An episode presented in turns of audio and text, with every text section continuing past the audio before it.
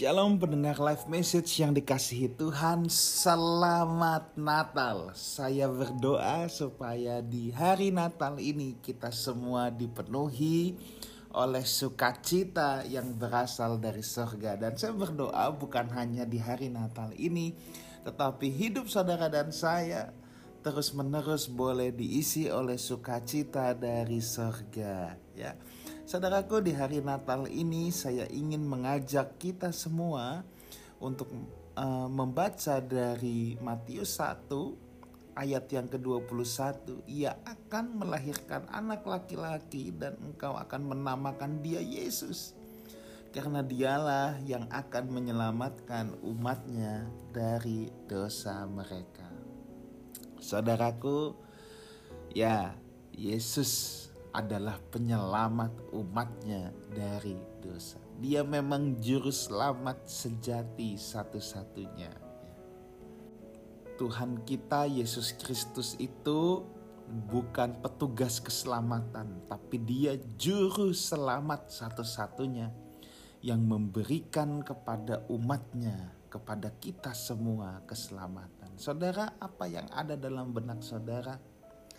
Kalau e, mendengar kata keselamatan. Ya. Ada banyak orang kalau mendengar kata keselamatan itu hanya sampai sebatas dari terluput dari mara bahaya. Ada yang kecelakaan kita enggak, oh aku selamat. Sampai nanti ada yang masuk ke api kekal, dihukum dalam neraka, oh kita tidak dihukum. Itu artinya kita selamat. Saudara, pemahaman seperti itu tidak salah, tetapi dangkal. Kalau kita hanya memahami keselamatan itu sebatas kita terluput dari bahaya, maka itulah pemahaman yang dimiliki oleh agama-agama lain juga di dunia ini.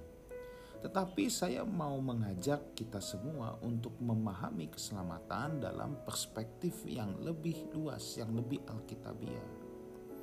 Keselamatan menurut Alkitab adalah bagaimana supaya saudara dan saya ya itu bisa kembali lagi ke dalam blueprintnya Tuhan kepada rencana awalnya Tuhan.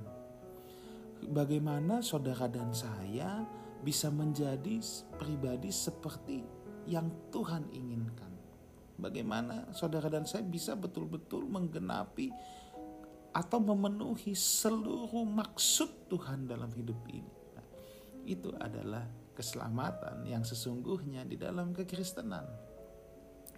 Itu sebabnya saudaraku, untuk kita bisa memperoleh keselamatan ini, syarat yang pertama yang paling mutlak adalah Tuhan Yesus harus lahir dan bertahta dalam hidup tidak punya syarat yang lain yang lebih penting daripada hal ini.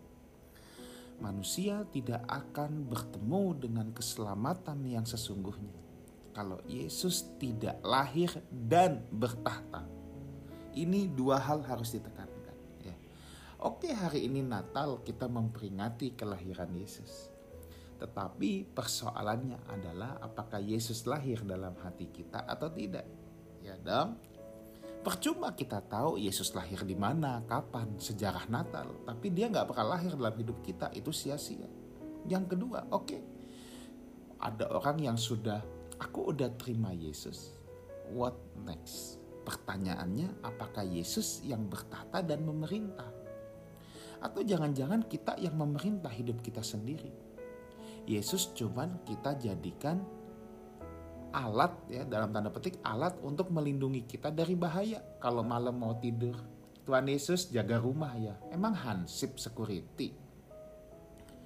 Jangan jadikan Tuhan hanya menjadi pelindung kita dari mara bahaya.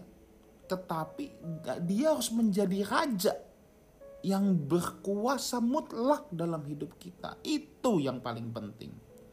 Sebab kalau dia yang tidak bertahta dalam hidup kita, maka orang boleh dibaptis, boleh terima Yesus, bilangnya terima Yesus gitu ya.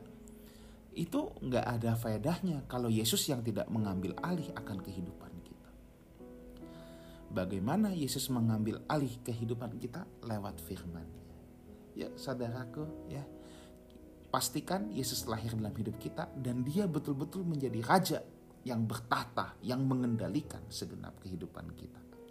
Tuhan Yesus memberkati kita semua. Selamat Natal. God bless you.